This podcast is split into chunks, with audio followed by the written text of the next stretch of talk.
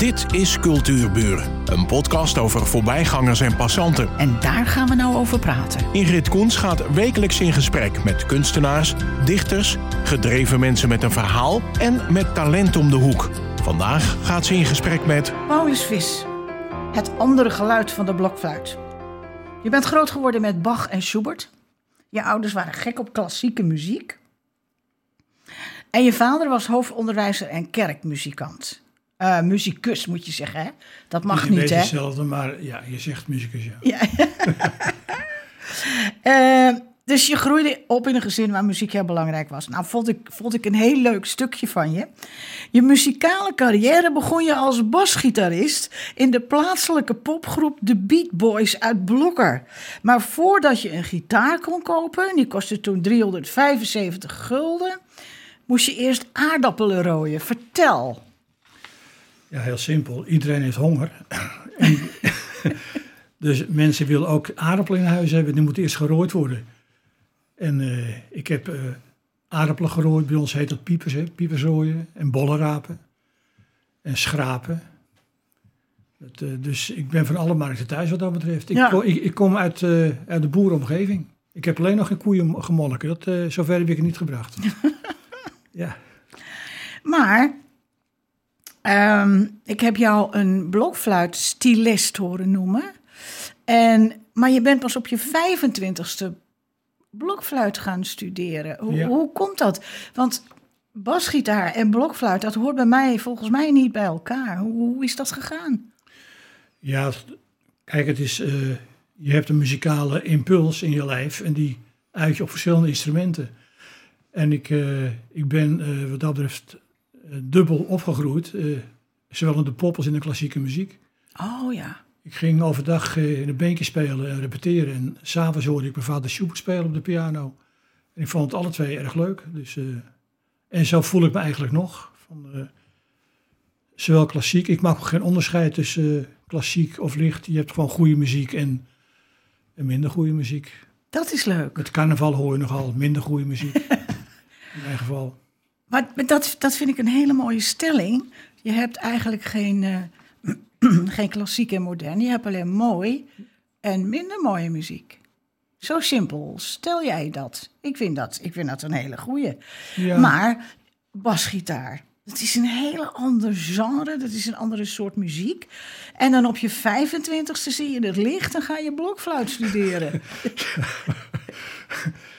nou, ik zag al eerder het licht, maar toen deed ik er nog weinig mee.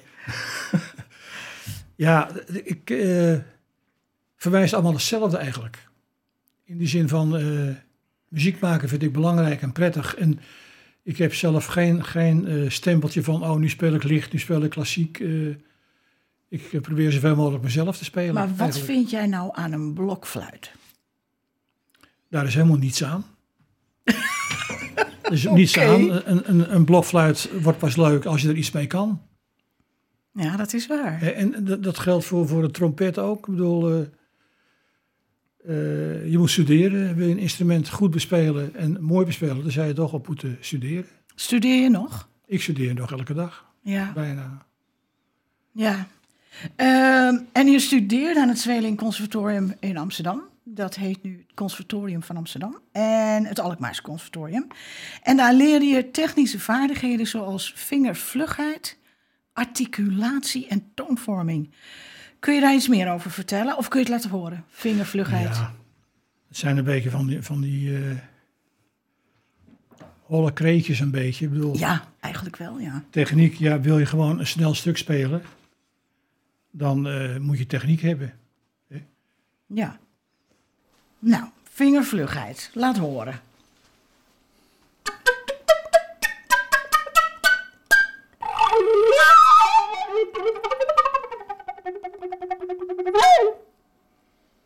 Dat is duidelijk. Ik denk dat ik het verhaal van het vliegtuigje even vertel. Moet u luisteren. Uh, wij hebben samen een keer opgetreden. Ik met gedichten en hij met uh, fluit. En Paul is in hart en nieren een uh, improviseur. Hij kan alles met dat instrument. Hij kan het laten huilen, hij kan het laten lachen. En wij stonden in het Wildemannshofje in Alkmaar. En um, we, st- we stonden zo, hij stond te improviseren, mooie lucht. En, en toen kwam er ineens zo'n klein, zo'n tweemotorig vliegtuigje aan, hè? Tut, tut, tut, zo. En Paulus pakt de toon van dat vliegtuig op, plus het ritme.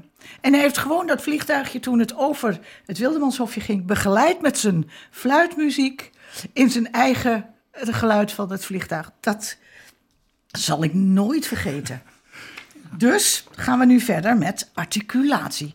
Vingervlugheid begrijp ik. Maar articulatie, dat, dat is toch alleen met toneelspelen en met uitspreken? En... Dat is net eh, als dat je praat. Je kan binnensmonds praten. Je kan articuleren. Dus in wezen is de, de, de duidelijkheid, de, ui- de, de duidelijkheid om je te uiten, Ja, daar heb je articulatie bij nodig. kun je dat ook laten horen? Tuurlijk kan hij dat. Neem ik even deze grote fruit. Dat is een basvlok. Is een basblokfluit. Ja, En hoe lager, hoe groter de instrumenten. ja, ja oké. Dus eh, dit is articuleren.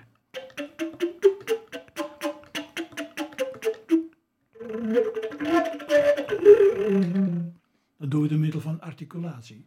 Hetzelfde als dat je articuleert met je praten. Ja, heel duidelijk. Ja, heel heel duidelijk. En, en toonvorming? Dat eh, heeft ook deels mee te maken. Ja. Eh, je, kijk, je kan. eh, ik zeg maar, je kan toeteren op Ja. een fluit. En dan doe je dit. Ja. Dat is toeteren. ja.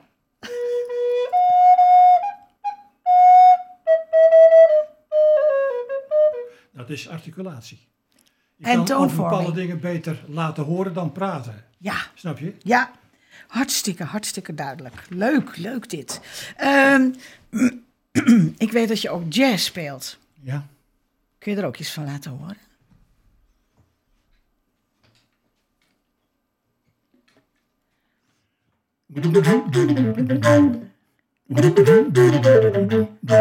Oh,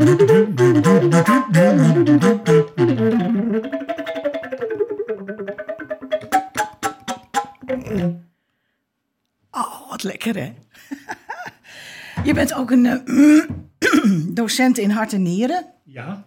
Maar je tweede liefde, buiten je vrouw, is eh, componeren. Ja. Ehm, ik had opgeschreven bij voorkeur luistermelodieën waarin muzikale elementen uit de hele wereld zijn verweven. En in zijn muziek hoor je de mythen, de legendes, sprokjes over goden en tovenaars. Ben jij zo'n romanticus? Ik denk het wel. En eh, ook, eh, ik ben ook wel religieus ingesteld. Komt dat zeggen vanwege je vader? Ik, denk, denk het wel. Maar mijn religie heeft niets met, met de Heilige Maria te maken of met eh Jozef of zo. Maar gewoon met de sferen, religieuze sferen. spiritualiteit, dat is misschien een beter woord. Wat je, waar je de kerk een beetje buiten houdt. Ja, ja. Maar eh, ja, dat, dat heb ik wel, ja. Eh, En dat vind je ook in die blokfluit? Nou, dat vindt die blokfluit in mij. Hmm. Toch? Dat is een mooie. Ja. En wat ik zeg, ik bedoel, je moet zelf... Het instrument zegt en doet niets. Je moet het allemaal zelf creëren. Ja. En, en dan kan je Bach op creëren en je kan er eh, Vader Jacob op spelen. Dat eh, maakt voor de fluit allemaal niet uit. Dus, Dus eigenlijk begin jij als je gaat componeren ook met een wit stuk papier. ik begin eigenlijk zonder papier. Ik ga achter de piano zitten en ik ga wat preluderen. En, en, eh, en dan komt er wel eh, wat naar boven. Of soms komt er niets naar boven en dan componeer ik niet. En kun je dat dan eh, meteen opschrijven? Ja. Moet je dat meteen opschrijven? Of? Nou, als ik een idee heb, dan wil ik het wel meteen opschrijven. Anders vergeet ik het misschien. Of in ieder Ja, geval de, ja. het geraamte ervan, weet ik wel, de, de elementen. Dan schrijf ik dan even op en dan kan ik het later, kan ik het verder compleet maken. Eh, wat heb ik nog meer opgeschreven?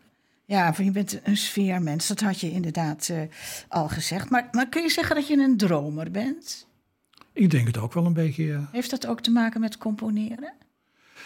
Ehm, nou, componeren moet je je moet niet componeren vanuit je rationaliteit. Dat komt later. Als je een idee hebt, eh, oh dat, dat, dan ga je het, heb je geleerd, oh ga ik die noten, rationeel, ga ik die noten opschrijven. Maar dat is dan fase 2. En fase 1 is dat je je bron laat spreken. Weet je, en, en die... Uh, emoties, noem je dat emoties? Gevoel? Uh, ja, ja, weet je, mezelf. Ja, ja. En uh, omdat die sprookjessfeer en die, die, die, die, die, die, uh, die mythe en legende, um, waar haal je die vandaan? Zitten die in je hoofd? Of lees je daarover? Of kijk je platen waardoor je geïnspireerd wordt in die wereld? Het is toch een hele andere wereld. Ja, dat is gewoon mijn karakter, denk ik. Dat heeft niets met, met een boek lezen te maken of naar een film kijken. Of, uh, het is zo hoe ik in de wereld sta, hoe ik de dingen beleef. En daar zit altijd een deel romantiek in en een deel ratio. En, uh, en een deel uh, inspiratie, waardoor ik misschien weer iets kan opschrijven. Weet je wel? Dat loopt allemaal door elkaar.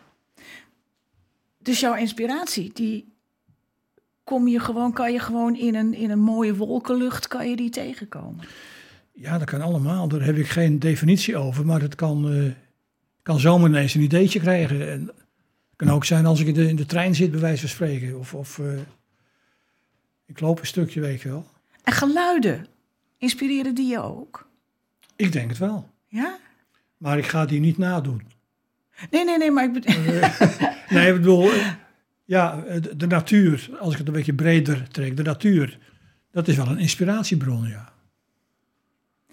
Dan moet ik u ook nog even vertellen dat uh, ik heb een dichtbundel uitgegeven en daarbij heeft Paulus verschillende gedichten uh, om, om, omgeven met muziek.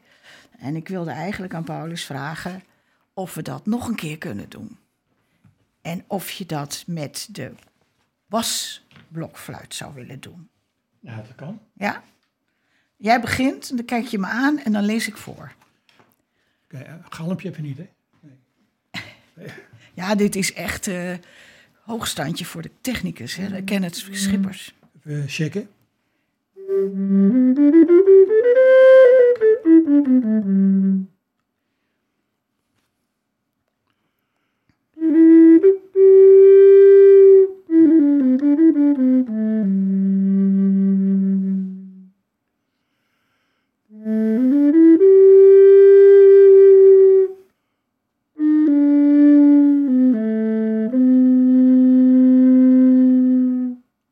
Vroeg.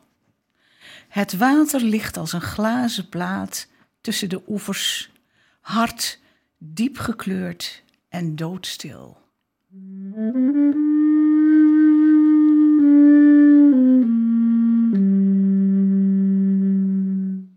Het geeft de wolken een tweede leven. Een vogel is de enige beweging in de stilte die zich uitspreidt in mijn hart.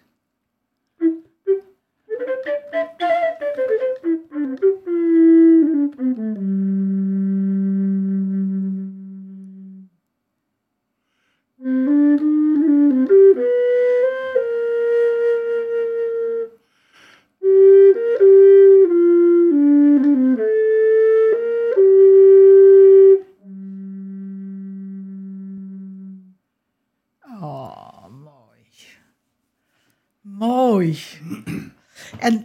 niet of u het gehoord heeft, maar dan ineens hoor je dus die vogel vliegen. En dat is, dat is echt zo geweldig. Dat kan echt niet iedereen. Jij bent zo één met je, met je instrument. Uh, jij, jij, verdiept je ook in andere volkeren, maar hoe doe je dat dan? Uh, nou, ik ben nogal sfeergevoelig. En dan, uh, zeker op televisie, als je dan wel eens wat ziet over, over Afrika. of, ja, ja. of, of uh, daar past ook altijd wel natuur bij. Weet je, dus uh, als ik iets zie, dan heb ik er ook vaak een beetje een, een verdere invulling in van, van uh, ruimtelijk en dingen die om die materies heen bewegen. Als ik bijvoorbeeld iemand hoor praten, dan zie ik wel dat mannetje of de vrouwtje staan. Maar als je de taal ook hoort, dan heb je daarbij ook nog een andere verbinding. Dat, dan staat zo iemand ook vaak in een andere wereld, als waar hij werkelijk staat. Snap je? En dat, dat, eh, dat zijn wel dingen die, ik, eh, die me wel opvallen, ja. En daar begint jouw inspiratie. Daar begint wel mijn inspiratie. Ja, ja, ja. Ja. ja. Wel moeilijk om het onder woorden te brengen hoor. Want het Nou, is- nee, ik, het eh, past zo bij mij. Ja, maar ik Dus, moet eh, zeggen dat het mij duidelijk... Ik, ik vraag het nog even aan de buitenstaander. Ken het? Duidelijk, hè? Ja, hartstikke Nou, duidelijk. Ja, nee, maar, maar ik begrijp precies wat je bedoelt. Ik kijk als het ware met je mee. Jij vertelt de dingen visueel. Ja, En dat is juist zo makkelijk ja, om het te begrijpen. Want ik zie Ja. dan inderdaad zo'n zo'n zo'n interview met een, een vrouw uit Afrika. En eigenlijk heb jij het geluid niet eens zo nodig van die reporter. En ook die ondertiteling niet. Bij jou gaat er een hele andere wereld open. En dat pak jij als je inspiratie. Ja, ik vind het heel Ja. eh, spannend, ja. dat noemen we de bron, hè? Ja, ja, maar dan ben ik toch nog benieuwd naar die, eh, die tovenaars en die sprookjes. Ja, Waar maar die, komen die vandaan? die komen ook, die komen en ze gaan, hè? Daarom zijn het ook tovenaars. Ja, dat is waar. ongrijpbaar.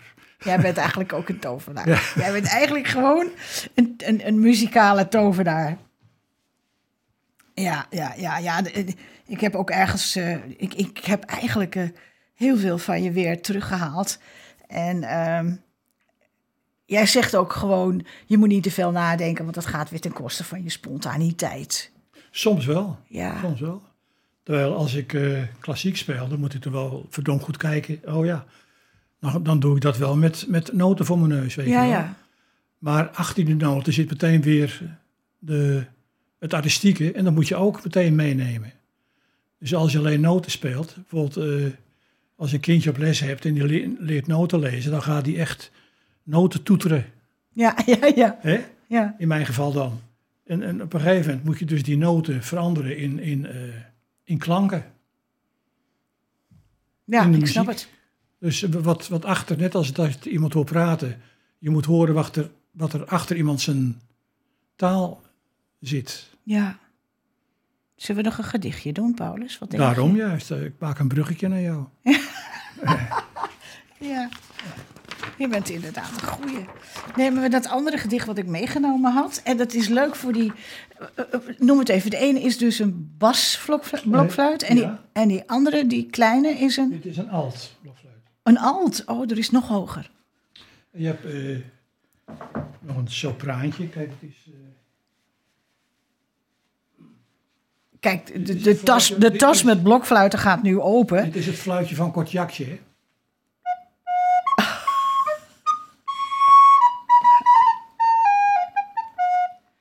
En als kindertjes beginnen, dan hoor je dit.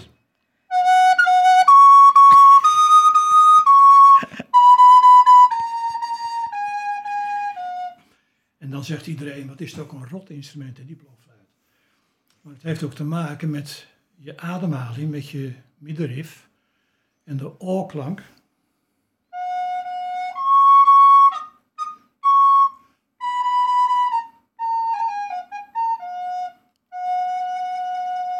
Die o moet je erin blazen, waardoor je dus als het ware je eigen klankkast maakt. En dat blaas je door het instrument heen. Oké.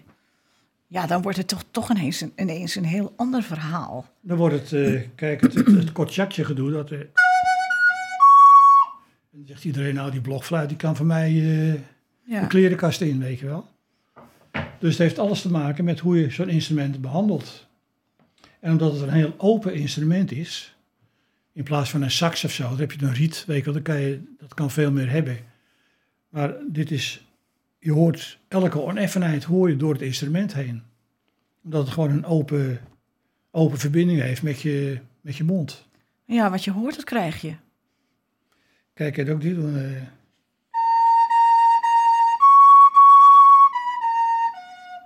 En dan speel ik alleen noten, maar geen klank, omdat ik alles afsluit.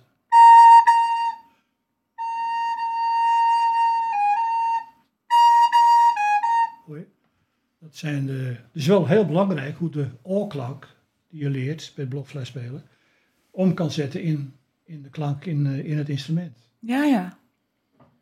Jij bent ook wel een echte docent, hè? Jij kan het echt allemaal uitleggen. Ja, god, ik heb hier jarenlang rondgelopen. nou, Ehm, dat andere gedichtje, ik denk dat daar misschien die tenor blokfluit goed bij past. Nee, die daar ligt toch? Ja, Deze? ja, ja, die. Ehm, ja, wat mij betreft mag je beginnen. Ik val wel in.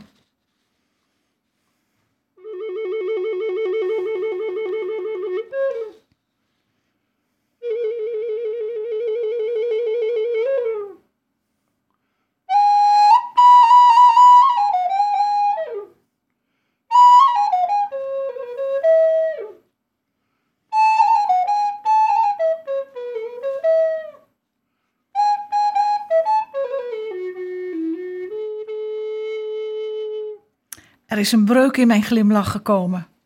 Ik lach niet meer tegen iedereen. Ik wil nu de ogen kiezen waarin, naar ik meen, het onbegrip is uitgebannen, waaraan ik me zo vaak heb bezeerd. Voorzichtig, heel voorzichtig, dat is wat ik heb geleerd.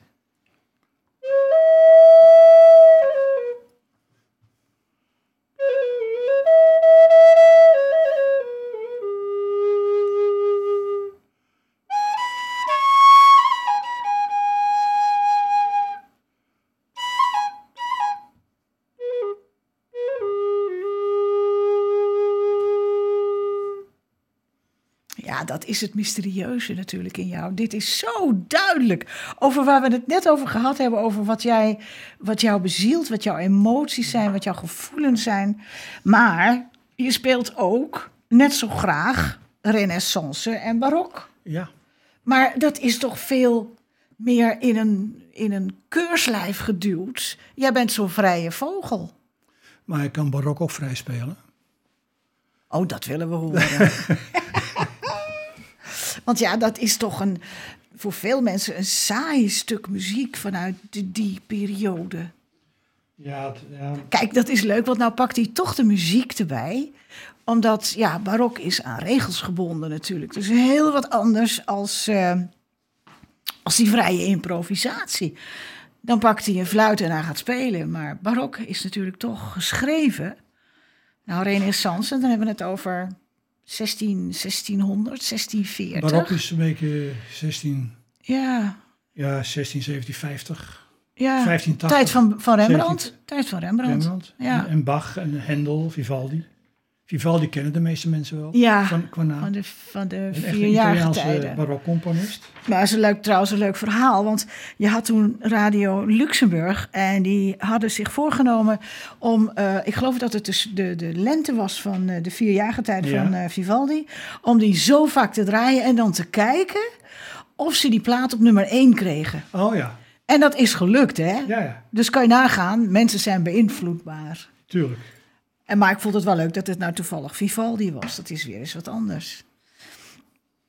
Wat zoek je nu, als ik vraag Een stukje muziek, je had een stukje muziek horen. Ja, ja, maar wat zoek je dan? Iets speciaals? Eh, van eh ene meneer Veracini, Italiaanse Ach, een componist. decadente Italiaan. Dat weet ik niet. Maar hij heeft eh, prachtige muziek gecomponeerd. Vivaldi, Veracini, Locatelli. Ja, ja. Maar de, de Italiaanse componisten waren in die baroktijd nogal... Die timmerden flink aan de barokweg, eigenlijk. ja. De barokweg. Oké, laten we horen. Speel Nou, iets voor ons. Kijken.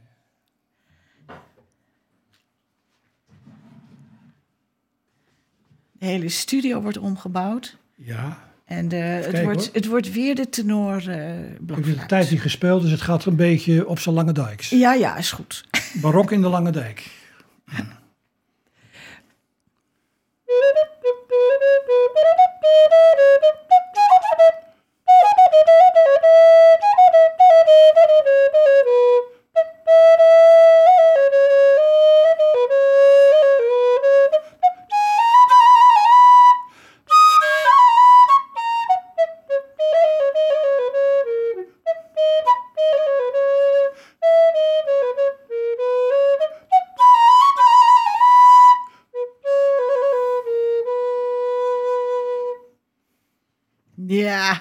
Geweldig. Paulus, we zijn er alweer doorheen en ik vind het heel erg jammer. Maar eh, ik ga jou bedanken voor je komst. Dankjewel. Ik ga Kenneth Schippers bedanken voor zijn, eh, voor zijn techniek. En kunnen we spelend de, de, de, de boel afsluiten? Dat vind ik misschien wel een heel mooi idee. Paulus, tot gauw. Was leuk. Ja.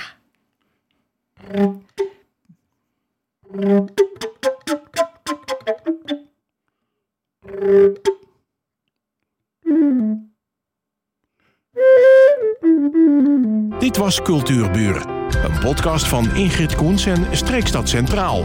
Bedankt voor de aandacht en tot de volgende Cultuurburen.